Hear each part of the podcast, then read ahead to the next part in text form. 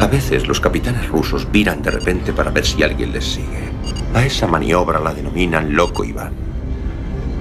Lo único que puedes hacer es parar en seco tu nave y esperar los acontecimientos.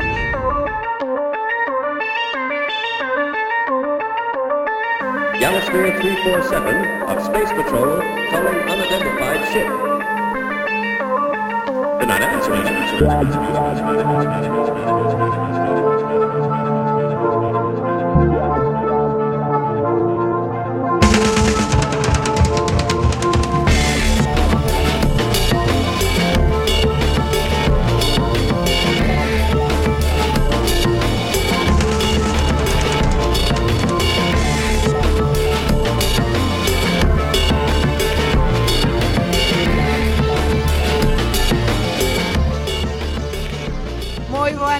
a todos e a todas. Prepárense para pasar unha hora repleta de aventuras a bordo do submarino nucelar máis intrépido de toda a Unión Soviética.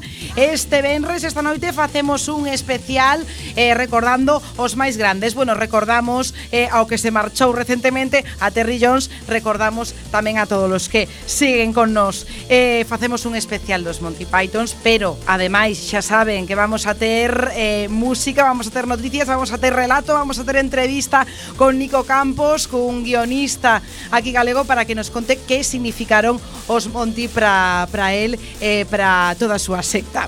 Así que xa saben, será unha hora que temos por diante para navegar polas procerosas augas do río Monelos. Todo isto xa saben que non sería posible se non tiveramos na sala de máquinas ao señor Bugalov o seu collín despreveído eh, porque non fixe a subidiña de sempre, pero é eh, que era era así, er, era emoción.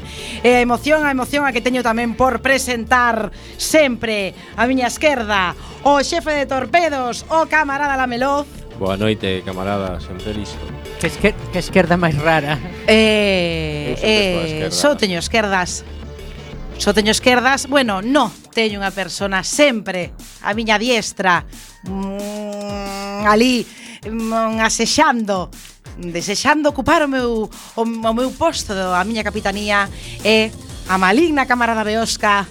Ai, sí, mirando sempre o lado positivo da vida. Efectivamente, e como sempre, o noso querido intelectual, moderno e outras cousas máis, o tovarixés Mendrellev. Boa noite a todas e a todos, camaradas. Saudamos a capitana Esbetana Ibarruri. Isto é no Coidán. Comezamos.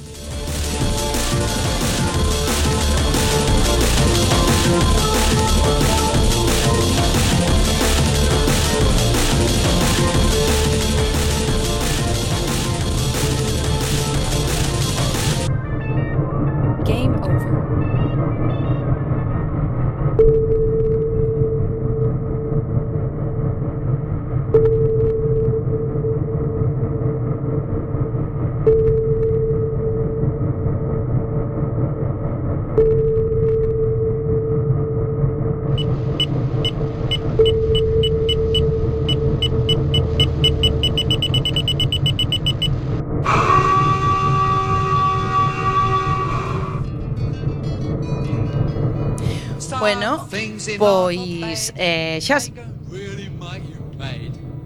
Xa saben, son eh, agora mesmo en directo ás 10 e 4 minutos eh, da noite. Pode ser eh, calquera outra hora se nos están escoitando a través do podcast, a través de internet. Pero que pasa? Se se queren poñer en contacto con nós agora mesmo, en directo Poden chamarnos ao seguinte teléfono. O 8 8 1 0 1 2 2 3 dous. Vale, eh, podes eh, volver a dicir, pero... Sí, pero sen cadencia de... Eh, exactamente, sen una... sen cadencia de telefonía electrónica. Pois podedes nos chamar o 881012232. Se nos queredes eh, deixar calquera tipo de insulto cara, cara o camaradas Mendrellev, eh, vense xa por Telegram ou por WhatsApp, e é un insulto atemporal, podedelo facer agora ou ao longo das semanas, se o estades pensando, a donde nos teñen que escribir? Pois teñenos que mandar unha mensaxe de Telegram ou de WhatsApp o 644737303 644737303 ou en persona que tamén disfruta así. Mira que difi- dicimos difícil co doado que é 644 73 7303. Bueno, é verdad, é verdad, pero eh, alguén lle dixo, señor eh, Bugalov, que podía vir aquí para deixarnos mal agora mesmo, pobre camarada Esmendrellev, isto non é, non. Vost, vostede págame por iso, capitán. eso, por eso, por eso teñen que teñen, ten que esperar a miña orde. Eh, señor eh, Lamerov, por exemplo, vostede díganos a eh, eh, onde eh, redes sociais poden tamén eh, pois deixar todas as súas amenazas cara a Esmendrellev pois poden deixarlo tanto en Facebook como en Twitter, eh, arroba locoivancuac. Perfecto. E agora, xa entrados en materia, continuamos con oso querido eh, camarada Esmendrellev, que nos vai falar, pois, eh, non sei, cale o teu Monty Python favorito? Buf, é moi difícil ter un Monty Python favorito Mais a min, como intelectual moderno de merda que son ah, Chámame especialmente a atención Terry Jones, o finado ah recentemente Terry Jones, unha persoa que é famosa por moitísimas cousas, non? pero que aparte de ser a mamá de Brian nesa mm. fantástica película facer maravillas como os cabaleiros da mesa cargada, etc, etc fixo moitas outras cousas que hai tres delas que son pouco coñecidas entón pois dúas vou nas mentar e a terceira pois vou falar un, un pouco non? entón o primeiro esa persona era guionista tamén ah de, de cine de televisión e de feito foi o guionista da maravillosa Dentro do labirinto. Oh! Só por iso merece un estatua. Oh, sí. Notase, notase o sutil humor que ten esa película. Esa película é excelente. A min encántame. Hai que dicir unha cosa tamén, sempre que, que moitas veces cando falo aquí de literatura digo, esta novela xa justifica a vida dun artista, pois Terry Jones é un home tan dotado polas musas que fixo moitísimas cosas que justificarían a vida dun artista. E unha delas, pois foi xa facer esta maravillosa película eh, que tamén pudimos ver o grandísimo David Bowie facendo de Gay dos Goblins sí. un pedazo de papel sí, da hostia. Sí, sí. Excelente, non? Aparte deso, pois tamén dirixía documentais de historia, entre eles Historia oculta de Egipto e Historia oculta de Gama, de Goma, perdón, para o Discovery Channel, estas dúas, era aficionado tamén a isto. Non é que fora exactamente un historiador eh, de formación, pero si era un historiador profesional, porque se dedicou moito a isto e con moi botino. E dentro desto fixo a terceira cousa que eu creo que todos deberíamos de desfrutar, non? que foi escribir a nada para nada desdeñable Goma e os bárbaros, xunto con Alan Hereira, outro historiador e profesor, tamén británico, con moita cara de inglés. Se buscades a foto aí en internet, eh, pois veredes que efectivamente teñen os dous ese aspecto característico británico, que non sei moi ben como definir, no? Entre sacar sí. sarcasmo continuo e mirada de superioridade xa sabemos Está de novo eh, unha vez máis en de é que xa sabe... submarino está eh, atacando algún tipo de etnia ou, ou de nacionalidade con certo desprecio. Se é que conta. vostede sabe que eu se non ofendo algún grupo humano por programa para claro. que non me poidan insultar dentro de, eh, está de ben, Twitter, eh, Facebook. Bueno, que esta vez non colleu a, nin, a vamos, a ningún grupo máis minorizado, o sea, os ingleses pois pues, todavía se lles pode directamente insultar, pero bueno. Bueno, esa que era utilicei o termo ingleses, podía ter utilizado utilizado guiris, podía ter utilizado moitos outros, pero bueno, claro, claro. britons. Britons. Neste caso, pois pues, bueno. O caso que Tegui Jones é un tipo peculiar, non? Ao final eu penso que todos os humoristas teñen un pouco de velo outro lado das cousas e un tanto de provocador e el non é diferente. Entón el tanto no que se refire ao humor como dende a seriedade dos libros de historia sempre cuestionou as versións baseadas na, na tradición, non? Entón el Come os Bárbaros de Editorial Crítica que escribiu en colaboración con este home, Alan Hereira, Jones presenta unha historia alternativa eh, con algo así como a reivindicación de que a nosa civilización debe aspectos cambios moi sustanciais aos chamados povos bárbaros, non? Demolendo así os romanos e a cultura clásica do trono que moitas veces os situamos. Os aficionados a historia, pois durante moito tempo temos aceptado un pouco como a dogma de fe que todos nós, quero dicir todos nosos europeos, entende, non? Non a xente de, de China ou de Xapón, que por unha vez vou tratar de non ofender. Ben, eh, que nos, somos... Non somos soviéticos, camaradas. Só temos medio, Pero medio continente europeo. Rusia é tamén Europa. A metade, iso. É verdade. Bueno, nen a mitad, Tenga. nen a mitad. É que sabe que pasa, que eu Bueno. nacín, nacín moi preto dos Urais, entón ainda me considero... Estás aí Estou aí medio transfronterizo que non medio, sabes, medio eh, eres xeorxiano, medio... É a Se raia. fora eu que sei ingusetio, pois o mellor pensaría, pensaría de outra forma, non? Ti máis ben en Kalimochov. bueno, pero é verdade, ainda que seas un pouco Kalimochov, ao final o Imperio Ruso somos herdeiros dos franceses que viñeron aquí a conquistar, demos un paus e copiamos moitas cousas, por exemplo, a esa leñagusa, que realmente de origen francés. Por eso leva salsa maonesa. Bueno. Bueno, da igual. A ver, non, Estamos non, fusilamos, non fusilamos os zares porque sí, eh. Claro. bueno, o, o turgón, non? O caso que sempre se contou moito que a cultura europea bebe completamente da cultura romana e desde o, desde o renacemento esa postura parece casi incuestionable, dase por sentado que aparte esa mellor dos mundos posibles, porque imagínate que descenderamos, eu que sei, dos saxóns ou ou de outros lados, non? E nada, pois este home, sen embargo, algo disto hai no, no cachondeo que, que meteu na vida de Brian cando os judeus se preguntan a si sí mesmos pero que nos deron os romanos? A ver, que lles deron os romanos? Os ¿Eh? judeus e tamén a nós, os españoles Que nos deron? Eh, mm. o, o, o, os españoles O viño Os gusos O viño Españoles os o sumidoiros, eh, o acueducto eh, do Paso das Pontes, as ánforas, eh, eh, eh, eh, eh, vomitorium, ah, as trigremes, eh, o Coliseum, O Coliseum, ah, sí, a, a matanza de esclavos, a, matanza orxías. de gladiadores, sí. tirar os cristianos aos leóns. valorada. O sexanal. Ai, o xenocidio cristiano. Ese foron os griegos. Mm. Ah, no, ese foi outra cousa.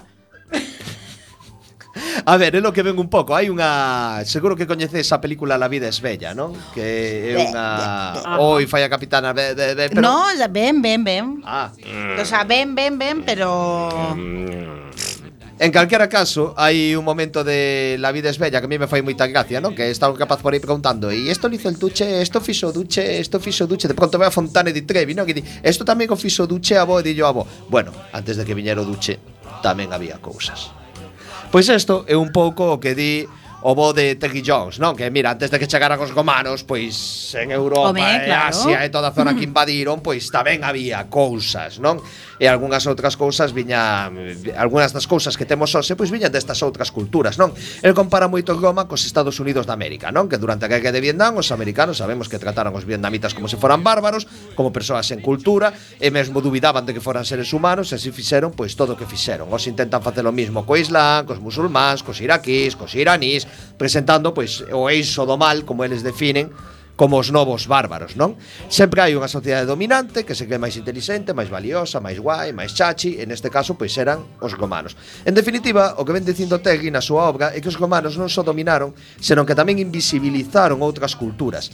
Independentemente do seu mérito como legisladores, militares ou enseñeiros, os romanos asumiron o legado cultural grego e marcaron o camiño que ia a dominar Europa durante case 2000 anos, non? Pero como as proximidades do imperio había máis xente, aparte dos romanos, uh -huh. que tamén facían cousas, pois a estos denominaronos como bárbaros e simplemente pois deron a menos todos os seus avances, non? E que pasaría se desemos eh, palabra a esas persoas que desenvolveron matemáticas e enxeñería refinada, como foi o caso dos gregos, cuas aldeas a veces superaron as cidades romanas, como era o caso dos galos, ou que mesmo estaban a un paso dunha revolución industrial, como era a zona do Mediterráneo, pois que o mellor hai moitas cosas que nos poden sorprender, non? Por exemplo, o, perfeno, o perfeccionamento que tiñan as matemáticas celtas, o alto grado de desenvolvemento que a filosofía religiosa alcanzaba en Dacia, o feito de que os gregos, sen dúbida, se atopaban ao ver dunha revolución industrial que foi impedida pola expansión romana, a comodidade coas que se pasaba a vida nas vilas dos vándalos, que estaban moi ben feitas, se tiñan de todo, admirable me, non sei como chamarlle en galego, telón de fego, telón de aceiro. Telón de grelos. Telón de grelos, o telón de grelos que Atila levantou entre o seu gueno impero romano para evitar a contaminación cultural e moitas outras cousas, non? Eu son especialmente fan da historia da Illa de Godas, non? Que era a potencia hexemónica antes de Goma. De feito, os gomanos mandaban ali os, os chavales a estudiar, os gomanos de ben, se entende, non? Os que tiñan cartos, os que tiñan poderío capitalista pero que dependía dos dereitos portuarios e impostos aduaneiros para pagar un exército mercenario. Eran tan poderosos que Goma, que non podía conquistalos, montou un porto libre na veciña illa de Delos e agardou a que non puideran pagar os soldados a base de facerlles dumping, dumping, dumping, dumping para darlles pero ben. E xa de paso, pois, goubarlle esas obras de arte que tanto admiraban, eh, levar de escravos os filósofos, bueno, por goubar goubaron hasta as ofrendas dos templos. O caso que é o primeiro exemplo de dumping industrial que conseguiu acabar cunha cultura tan avanzada como a súa destructora. Bueno. Que romanofóbico, non? Bueno, a ver, estamos falando de tequillóns, estuviéramos falando que sei, de Arturo Pérez que verte, pois igual. Logo nos extraña, logo extrañanos o Brexit, non? Efectivamente. Eh, a quen lle extrañe. Eh, ah! Sempre que tiveron un pouco de complejo con eso, penso eu, os, os británicos en concreto, pero en xeral o mundo anglosaxón é hermano. Sí. sí. Sí que sí que o teñen. De feito, eso de bárbaros, oh, de chamaban bárbaros. Bueno, bárbaros en latín é estranxeiro, non é nada peyorativo. Sí, eso foi logo no latín vulgar que xa empezamos a facer das nosas, pero Moi ben estas reflexións, moi ben estas reflexións. Eh... Hai, que, hai que dar unha nota de calidade. Claro, isto hai que acabar con este tipo de reflexión, e efectivamente. E pasamos o señor Lamelo, ah, que está... Eh... eh Bueno, pois estaba falando eh, estaba escuitando falar de sexo anal e, e se meteu na, na sala de torpedos, pero bueno. É que unha sala de torpedos, bueno, agora teño unha nova sala de torpedos un pouco máis pequena, pero, Ay, pero aí. bueno. Eh, a chamada sala de supositorios. Exactamente. Para eso son moi grandes. mm, Pois eu quería dicir que o meu Monty Python favorito é John Cleese, a verdade, que mola, porque ten un sarcasmo así, unha ironía moi moi guai. Pero bueno, aparte diso, a verdade é que os Monty Python, como se ben sabemos, son gloriosos, pero aparte do humor esternillante e tal, no seu humor tiña a veces moitas críticas que disfrazaban así, pois pues eso, con ese humor tan disparatado, pero que, bueno, que teñan o seu punto, por exemplo. Buenas, anciana! ¡Soy hombre! Buen anciano, perdón. ¿Qué caballero vive en aquel castillo? Tengo 37. ¿Qué? 37 años, no soy anciano. ¿Cómo querías que te llamara? Eh, ¿Podría llamarme Denis? No sabía que te llamabas Denis. No se ha molestado en averiguarlo. Ya me he disculpado por lo de anciana, es que por detrás parecía. Me opongo a que automáticamente me trate como a un inferior. Porque yo soy rey. ¿Con qué rey, eh? Bien. ¿Cómo lo consiguió? Explotando a los trabajadores, aferrándose a un dogmatismo imperialista que perpetúa las diferencias económicas y sociales de nuestra sociedad. Si alguna vez queremos progresar... Aquí hay una basura suculenta. Mucho gusto. Te saludo, buena mujer. Soy Arturo, rey de los bretones. ¿De quién es ese castillo? ¿Rey de los qué? De los bretones. ¿Quiénes son los bretones? Todos nosotros, todos somos bretones. Y yo soy el rey. No sabía que teníamos un rey. Creí que éramos una colectividad autónoma. Pues te equivocas. Vivimos en una dictadura, una autocracia que se autoperpetúa y en la que las clases Ya trabajadoras... estamos con lo de las clases. Ese es el que es la cuestión. Si el pueblo quisiera... Por favor, por favor, tengo prisa, buena gente. ¿Quién vive en ese castillo? Pero las decisiones de ese funcionario deben ser ratificadas en una asamblea quincenal Ya, ya. por mayoría sencilla en caso de asuntos puramente ¡Silencio! internos y con mayoría de dos tercios para asuntos de ¡Silencio, una te mayor- ordeno que te calles! Te ordena, ¿eh? ¿Quién se creerá que es? Soy vuestro rey. Pues yo no le voté. A los reyes no se les vota. Entonces, ¿cómo llegó a ser rey? La dama del lago, con el brazo enfundado en brillante seda, sacó una espada del fondo de las aguas, significando así la divina providencia que yo, Arturo, debía portar la espada. Por eso soy vuestro rey. Oiga, que a una mujer le dé por repartir espadas mojadas no es base para un sistema de gobierno. El supremo poder ejecutivo deriva de la voluntad de las masas, no de una absurda ceremonia acuática. ¡Silencio! No pretenderá ostentar el supremo poder ejecutivo porque una furcia natatoria le tiró una espada. ¡Silencio! Lo mismo podía ir yo por ahí diciendo que soy emperador porque una tía tía me lanzó una cimitarra, me llevarían al manicomio. ¡Silencio! ¡Te quieres callar! ¡Ah, ya está! La violencia inherente al sistema. ¡Cállate! ¡Venid a ver la violencia inherente al sistema! ¡Socorro, socorro! ¡Me están reprimiendo! ¡Maldito patán! ¡Cielos, qué violencia! ¿Habéis oído? Lo que siempre he dicho, habéis visto la represión, ¿no? ¿La habéis visto? En apenas dos minutos, a verdade que os eh, Monty Python son pues, maravillosos. Maravillosos. Fan unha, unha crítica de, da monarquía dun xeito elegante e ao mesmo tempo tamén de certo tu fillo así asambleario das cousas, pero como que non quere a cousa, non? Eh, é, é unha das cousas que tiñan eh, no seu humor, non? Que a veces metían así, pois de, de, como que non quere, pois así de, de, de lado, pois críticas que son bastante bastante contundentes, ademais de, de divertidas. E, e bueno, es precisamente o que facía aquí da, da muller era era Terry Jones, precisamente nesta nesta cruza. E eh, ten outros exemplos que tamén son bas, son bastante bastante divertidos.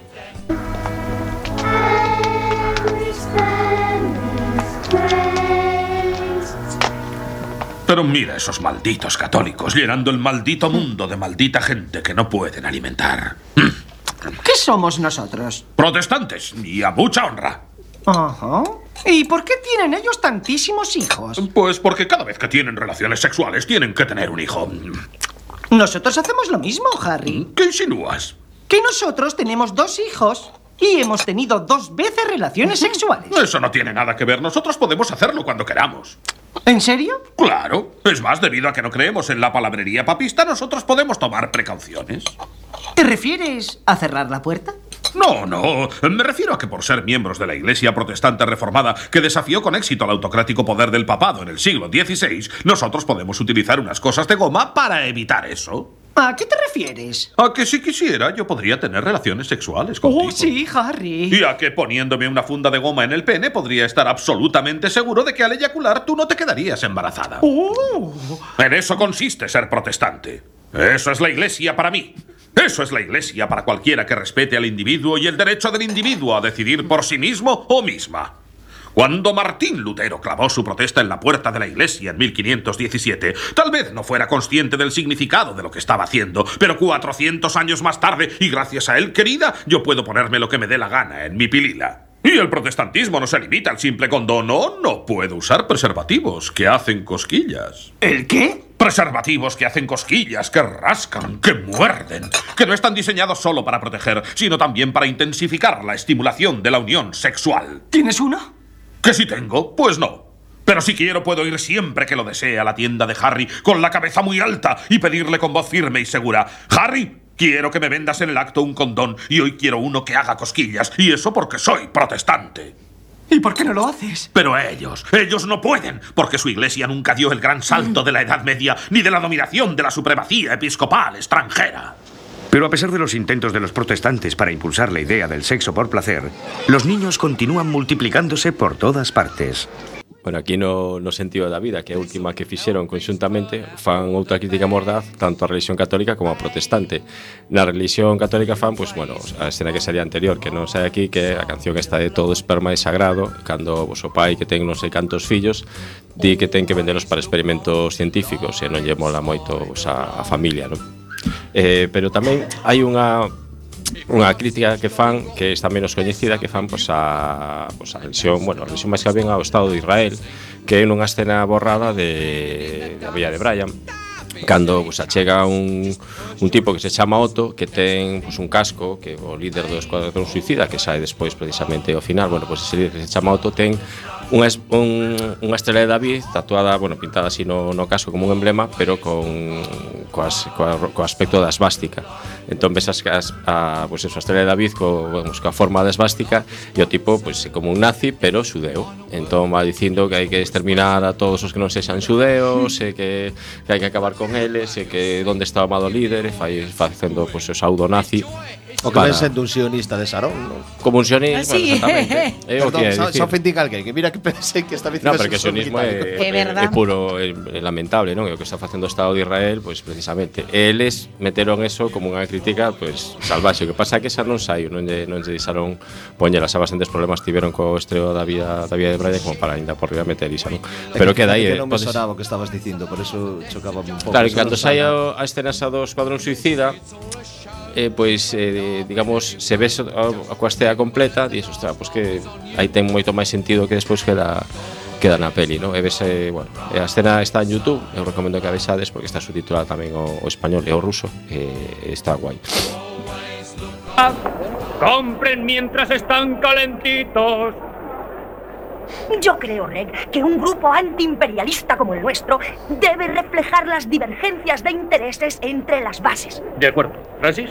Eh, Sí, creo que el punto de vista de Judith es muy válido, siempre que el partido no olvide que es el derecho inalienable de todo hombre. O mujer. O mujer. Ser liberado. O liberada. O liberada. De acuerdo. Gracias, hermano. O hermana. O hermana. No sé por qué Inda se ¿Por dónde extraña iba? tanto a estas alturas. Ah, sí. Además, también es derecho de todo hombre. O mujer.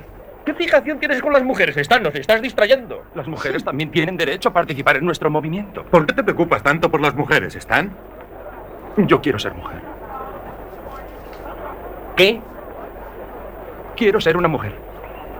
Desde ahora, quiero que me llaméis Loreta. ¿Qué? Es mi derecho como hombre. ¿Por qué quieres ser Loreta, Stan? Porque quiero tener hijos. ¿Quieres tener hijos? Los hombres también tienen derecho a tener hijos si quieren. Pero tú no puedes parir. No me oprimas. No es que te oprima, Stan, es que no tienes matriz. ¿Dónde vas a gestar el feto? ¿Lo vas a meter en un baúl?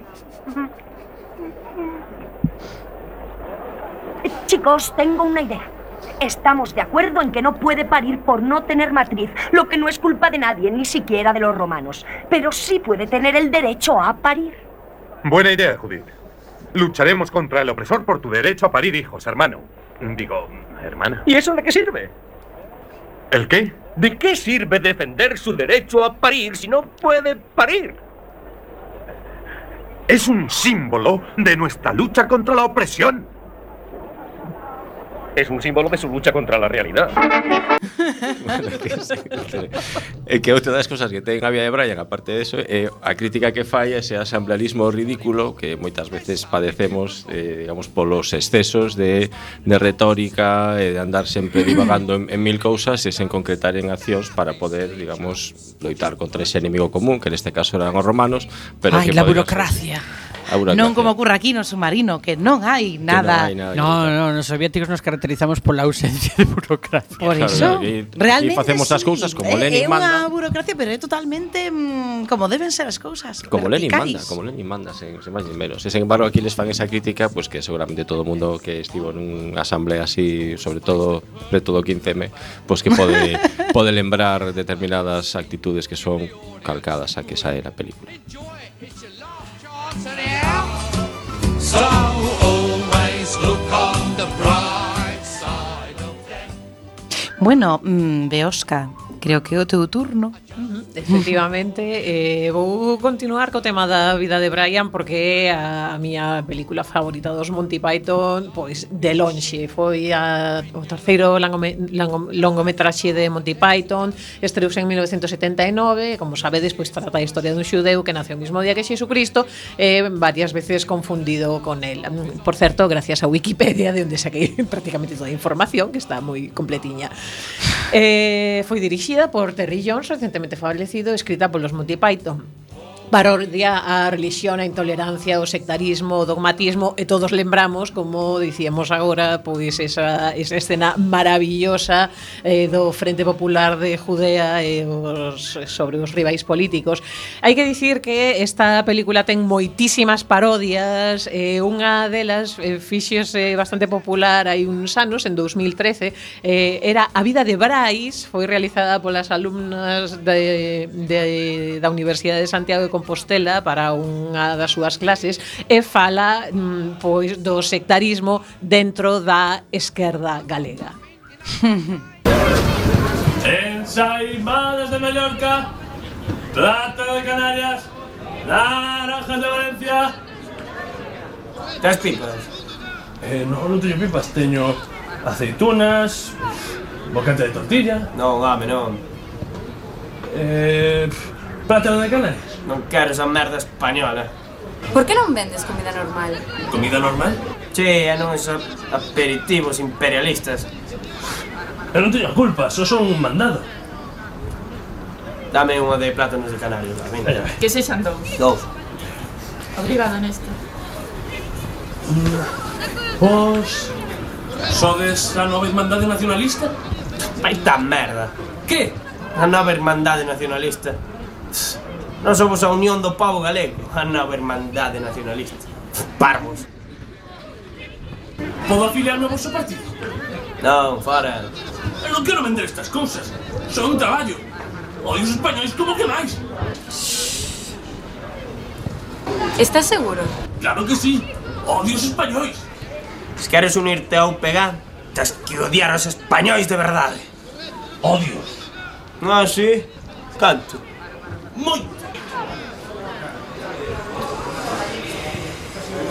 Está ben, estás dentro, ven. Escoita, os únicos aos que odiamos máis que os españoles é a nova hermandade nacionalista. Disidentes. É a Fronte Popular Galega. Disidentes. E a Unión do Povo Galego. Sí, disidentes. Que? A Unión do Povo Galego, disidentes. Nós somos a Unión do Povo Galego. Pensei que éramos compromiso por Galicia. Upega. Y luego, ¿qué pasó con compromisos por Galicia en esto? Ahí está. ¡Disidente!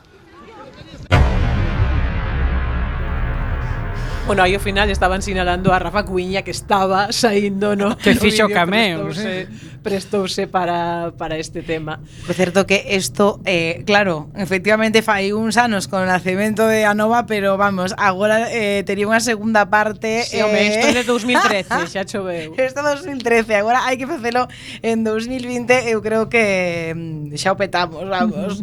pois pues comentábamos... E, eh, e non saía cerna, nin sequera. a ver. Claro. Comentábamos antes que efectivamente pois, eh, tivo moitos problemas esta película. De feito, dous días antes do inicio da rodaxe, o presidente de Emi Films eh, botouse para atrás calificando a historia como obscena e sacrílega, negándose a financiarla, dicindo cousas como non permitirei que a xente diga que eu me burlei do fodido Xesucristo, ou sexa, en fin. Eh, e tivo que ser George Harrison, o ex-Beatle, que era amigo dos Monty Python, que salvou o proxecto, creou unha produtora, hipotecou a casa e un estudio de grabación, e manifestou que, sinxelamente, é que apetecía lle ver unha película como esa. De Eric eh, Idle decía que financiar os 3 millóns de libras que custou o film pois foi a entrada de cine máis cara do mundo. Eh, bueno, George Harrison sai unha película sen acreditar, pero bueno, aí facendo un cameño tamén. Tamén tiveron problemas con Graham Chapman, eh, que era que facía de, de Brian, porque tiña un problema de alcoholismo moi grave, eh, conseguir que estivese, um, xa non vou dicir sobrio, pero polo menos o suficientemente pouco borracho como para facer as, as escenas e facer a película, pois foi complicado. Eh, os, os estrenos pois foron moi polémicos. En Reino Unido houve un escándalo terrible, pero é certo que non fixo máis que aumentar cifras de taquilla, Eh, en Irlanda e Noruega, por exemplo, non se non chegou a estrearse. En Suecia, que teñen moito pique con Noruega, eh, a, a anunciaban dicindo esta película é tan divertida que a prohibiron en Noruega. En Estados Unidos, por suposto, houbo manifestacións de protesta en todo o país e o que conseguiron foi que pasase a peli de 200 salas a 600. Eh, en España foi estreada en versión original e con iso con todo en versión perdón, en versión original subtitulada e con iso con todo foi a quinta película máis vista no ano 1980. Eh, bueno, hai que dicir que o que sí que o recurso dramático de crear a Brian porque eles inicialmente pensaban se facelo directamente sobre Xesucristo, pero pareceulles máis graciosa eh, que podían tirar máis da idea de Brian. Eso foi decisivo para mantelos lonxe dos tribunais claro. porque senón pois igual terían acabado na cadea, así que eh, moitísimas grazas por este peliculón, meus queridos. E podemos rematar coutra parodia da vida de Brian, moi cortiña, eh, sobre lembrades cando chegan e hai reparto de celdas e vostede non son ladrón, pois pase aí ao fondo do corredor e tal, e este tan divertido. El siguiente, independentista, muy bien. Mira, todo recto la celda número 7. Siguiente, humorista, muy bien. Mira, todo recto la celda número 8. Muy bien. ¿Y tú eres? Ah, yo soy del PP. ¿Cómo dices? Sí, robé unos cuantos millones, pero no pasa nada porque tengo permiso de M. Rajoy. Ah, entonces ningún problema, tienes las puertas abiertas. Que no, que soy cantante de hip hop y me metí con el rey. Oh, me la habías colado, ¿eh? Ah, ya sabes, ya Sí, sabes. ya lo sé, ahí recto la Sí. celda número 9, ¿no? Correcto. Vale. Ay, ay, qué tonto. ¿Artista? Sí. Muy bien.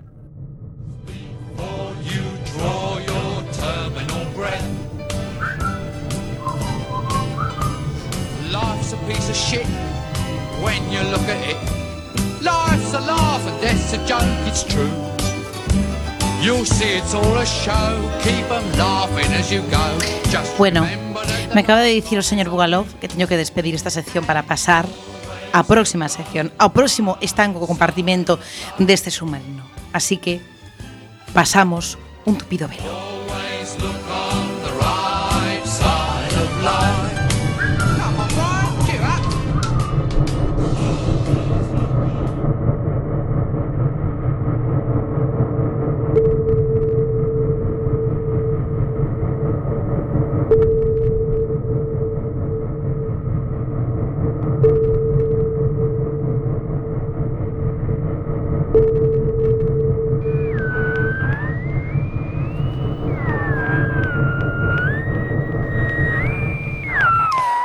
Hola de novo, señor Bugalov. Hola, así en tempo e forma como Dior manda. Eh, como Dior manda. Eh, vamos a ver, hoxe falamos dos Monty Pythons. Sí. Entón, eh, non sei... Eh, que tonada nos trae? A ver, musicalmente os Monty Python tamén teñen un, un des, fixeron un despregue importante ao longo da, da súa carreira.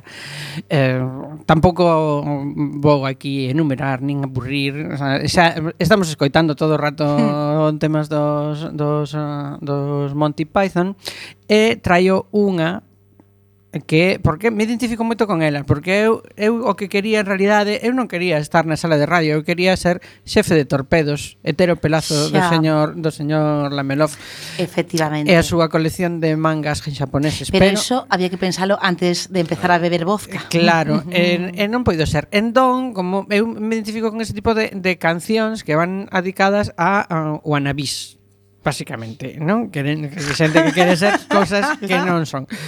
Eh, ala vai este señor que Seika é home do tempo. I wanted to be a lumberjack, leaping from tree to tree as they float down the mighty rivers of British Columbia. The giant redwood, the larch, the fir, the mighty Scots pine, the lofty flowering cherry, the plucky little aspen, the limping rude tree of Nigeria, the towering wattle of Aldershot, the maidenhead creeping water plant, the naughty Leicestershire flashing oak, the flatulent elm of West Ruislip, the Quercus maximus bamba gascoini, the Ephagilus labata huius greenus, with my best buddy by my side, we'd sing, sing, sing. I'm a lumberjack and I'm okay. I sleep all night and I work all day. He's a lumberjack and he's okay. He sleeps all night and he works all day. I cut down trees, I eat my lunch, I go to the lavatory. On Wednesdays I go shopping and have buttered scones for tea.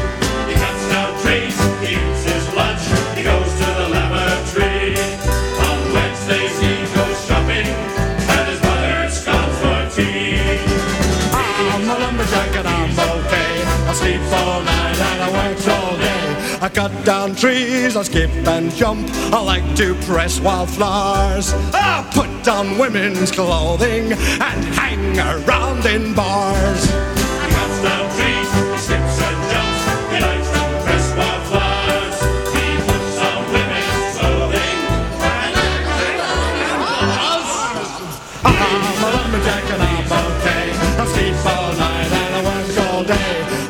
and trees where high heels suspenders, and uproar. I wish I'd been a girlie just like my dear papa.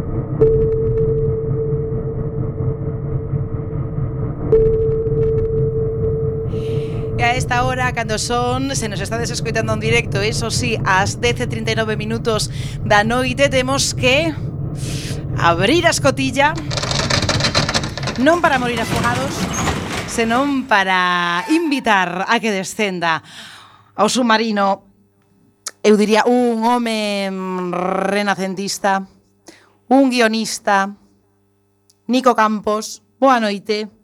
Boa noite, que tal todo? Moi ben, algunha vez estivo nun submarino soviético? Pois eh, soviético non, pero a verdade é que imaginaba que isto era máis grande, eh, a verdade. Pero bueno, bueno non pasa nada, parece máis grande na tele. Perdone, por favor, isto é eh, tan grande eh, como a estepa, eh, aproximadamente. Que, que polvoróns. efectivamente non sabe o que hai aquí no submarino a ese respecto. Bueno, eh, eh, señor Campos, eh, chamámolo, invitámolo esta noite porque vostede guionista, de feito, eh, chegou a ser, chegou a ser incluso presidente da Asociación Galega de Guionistas.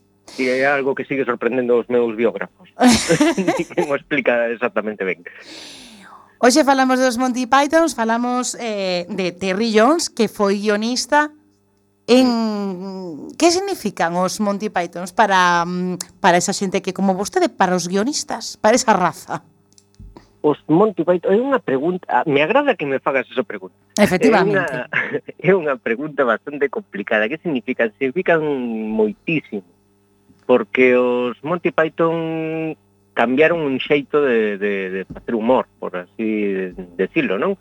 Eh, foron eh, unha vez unha vez lembrome de, de falar con, con un guionista de Leitmotiv de, do programa de Buenafuente eh, se, de, se eran os Monty Python eh, humor inteligente porque bueno, eles o mellor facían un chiste sobre peidos pero pero decían que era Sócrates que se tiraba o peido, non? entón, eso era humor inteligente ou non. Eh, el decíame que, que mm, eso non é exactamente humor inteligente, pero está revestido de inteligencia, non? Sí que fan unha cousa que eh, no caso de, do de Sócrates o partido de fútbol sí, entre sí, sí. filósofos e que mm, eh, parece que inteligente, pero en realidade non. non, pero, oye, pero ti te acordas dese sketch, entonces ti quedas como, eh? O sea, eh, son unha persoa... Que, que podo lembrar a, incluso a un par de, de filósofos dos que comentaban ali. Entón, síntome eu máis inteligente. Claro. pero non, eh, non é que fagan exactamente un, un humor inteligente, pero sí que mm, revisten de intelectualidade eh, a, a, o chiste, e o que fan é facer traballar un pouco máis a, ao espectador, non?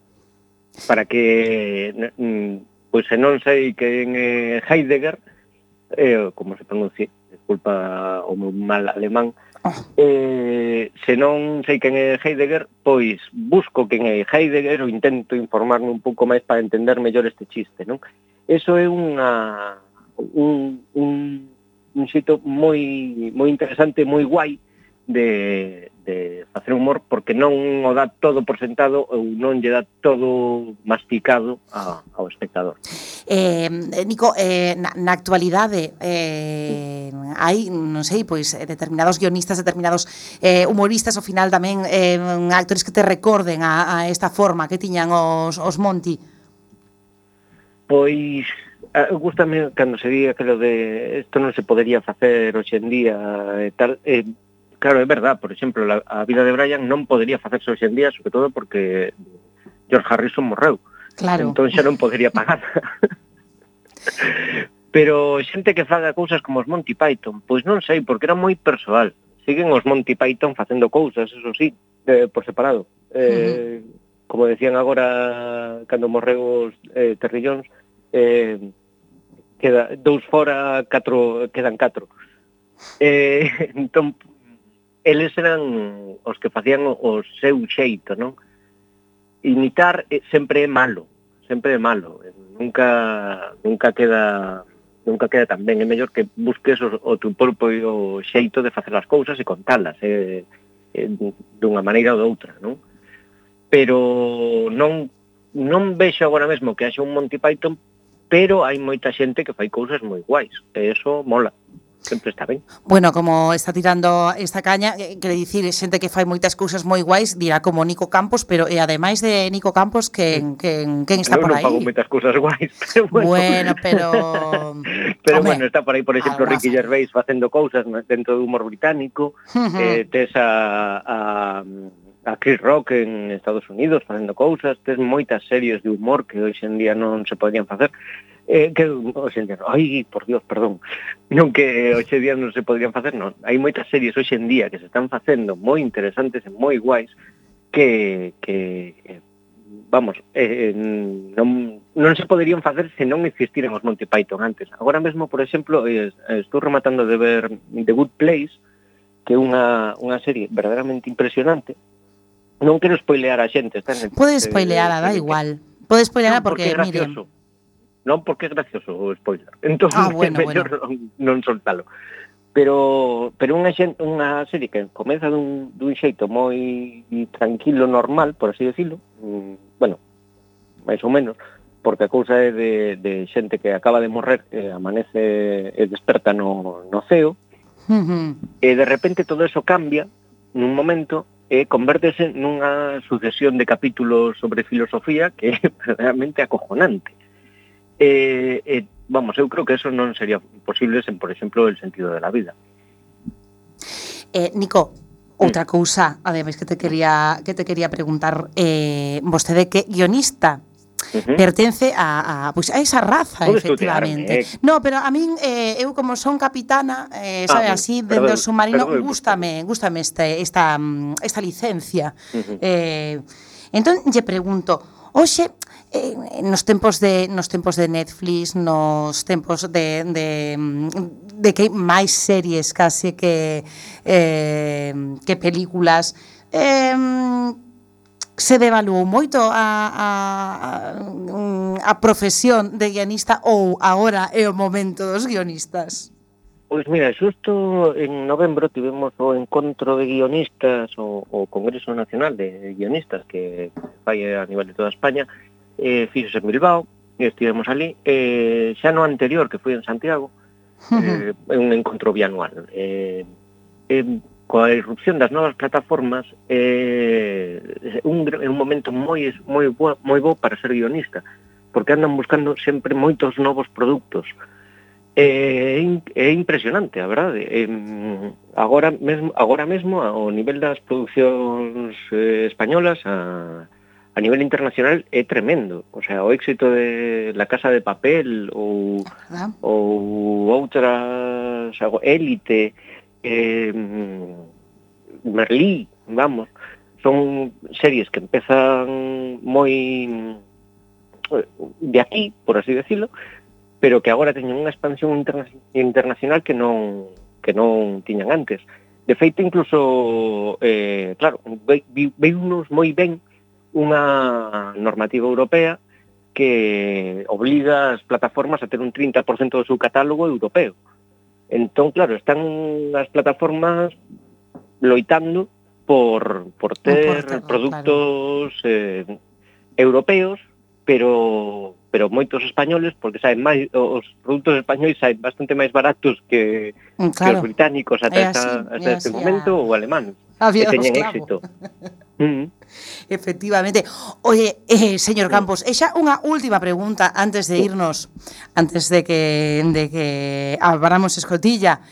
Eh, creo que hai un aniversario, non ten nada que ver eh, co tema do que estamos falando hoxe, pero eu creo queda ben recordalo, parece ser que estamos de 30 aniversario de algo, de algo. Pois sí, mañá cúmplese, mañá sábado día 8 cúmplense 30 anos de, de estrea de Son Goku. ¡Yeah! Que non ten que ver con, con Monty Python, pero eh, son 30 anos de Son Goku. Home, claro, 30 anos de Son Goku, o sea, en mm, galego, mm, en galego. Home, é que eh, Son Goku non hai noutro idioma, eu creo, vamos, é como Mm. Bueno, eh, xusto hoxe sacou a, a Televisión de Galicia un, un, un fío de Twitter falando de, de, de esta, do, do 30 aniversario de, de Romoco Galego. E resulta que primeiro se emitiu en, en, en Canal Sur. Como? Un ano antes. Eh, primeiro se emitiu en Canal Sur o... Malditos. O, espera, que estou no buscando, o 2 de marzo do 89, ou seja que vai cumplir 31 anos agora, E o 4 de outubro do 89 en, eh, emitiuse en Vasco, na, en, na ETV. Bueno, pero na ETV, a ver, somos nacións en Estado, eh, uh nos pode, podemos podemos chegar a podemos chegar a perdonarlo, pero malditos norueguitos. Oh. pois nada, aí eh, empezaron en, en Canal Sur, pero sí que hai unha cousa moi moi divertida no, no fío, porque resulta que Onda Vital, que somos o único país do mundo onde din Onda Vital, é verdad Pois é porque eh, en Canal Sur, que era onde se dobraba para toda España, collían a dobraxe galega. Como?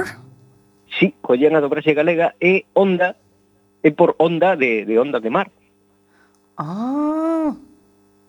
Entón, por eso a xente, por eso toda España di onda onda vital en vez de en vez de Kamehameha. Pero vou dicir unha cousa, eu nunca nunca pensei que onda vital fora por tampouco por unha onda de mar. Eu pois... non se pensaba que era unha onda expansiva. Pois eso din así aquí eh, aquí na, na, na galega. Resulta que que, que toda, toda España estaba falando galego sempre que decía onda vital. Vaya, vaya. La imposición del gallego, oye. Esto tes así, e llegaron, impusieron e bueno. Eh, pois eh, señor Campos, Nico Campos, un gran guionista, mellor persoa Ai, que bonito. Eh, poderíamos dicir máis, máis cousas, pero serían mentira, así sí. que eh, moitísimas gracias por baixar a teu submarino. A, a vos por invitarme. E xa sabe, eh, ten as portas case abertas eh, para cando queira volver a baixar. Perfecto, unha aperta. Unha aperta moi grande. Chao.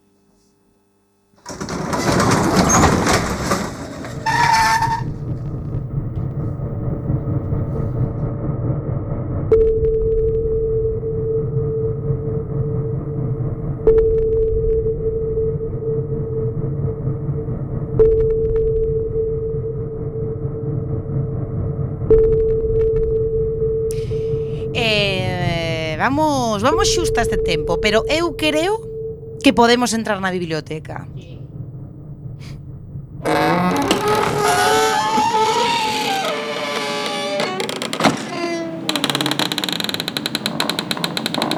Señores Mendrellev, eu creo que non hai xa presentación de isto que vamos a que vamos a interpretar. Pois entón, comezamos agora mesmo, de todas formas asento que coñecerá. Claro. ¡Tenemos una bruja! Sí. ¡Tenemos una bruja! ¡Hemos encontrado una bruja! ¿Podemos quemarla? ¡Venga! hombre! Un caballero. ¿Cómo, ¿Cómo sabéis, sabéis que es una bruja? Parece una bruja porque se le nota, ¿no, lo veis? Es verdad, estás vestida de bruja. Ellos me vistieron así y esta no es mi nariz, es posticha. ¿Y bien? Bueno, le pusimos la nariz y el sombrero, pero igualmente es una bruja. ¿La habéis vestido vosotros así? ¡No! No, y- sí, un, poco. Tiene una verruga. Tiene una puta verruga. ¿Y por qué creéis que es una bruja? Porque a mí me convirtió en grillo. Bueno, vale, sí, mejoré. ¡Ay, ¡Que quemarla! ¡Ay, que quemarla! ¡Ay, que quemarla! Hay diversas formas de saber si es una bruja. Decidme, ¿qué se hace con las brujas? ¡Quemarlas! ¿Y qué otra cosa se quema aparte de las brujas? ¡Más brujas! ¿Por qué arden las brujas? Porque están hechas de madera. Exacto. ¿Y cómo se puede saber si está hecha de madera? Haciendo un puente con ella. Ah, pero ¿no se pueden hacer los puentes también de piedra? ¿Qué ha dicho ese caballero? ¿Y la madera se hunde en el agua? ¡No, flota! ¡No, la tiramos al pantano! Sí, sí. ¿Y qué más cosas flotan en el agua? ¡La manzana! Piedras pequeñas. Un cuchillo. ¡La salsa verde! Un puto grillo como tú. No, no, no, no, no. Un ganso. Exacto. Así que si pesa lo mismo que un ganso, está hecha de madera y por lo tanto es una bruja. Bien, usaremos mi balanza. ¡A la balanza! ¡A la balanza! ¡Mirad! ¡Pisan lo mismo! ¡Tenemos una bruja! ¡Tenemos una bruja!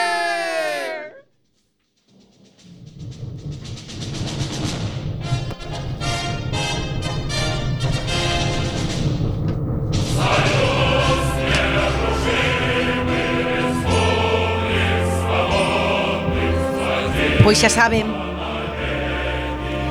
Miñas damas Meus señores Queridos compañeiros, queridos camaradas Foi unha noite realmente excepcional ao vosso lado. Xa sabedes que volveremos dentro dunha semana. Disfruten, por que non, invístanse reis e raíñas. Se algunha doncela lles dá unha espada mollada Xa saben que merecerán o aplauso de todo o Congreso. Así que, pásano moi ben, os esperamos a semana que ven, volveremos, ata entón, beban vodka con moderación, sexan felices, nós tamén os seremos. Moitos bicos. Yeah.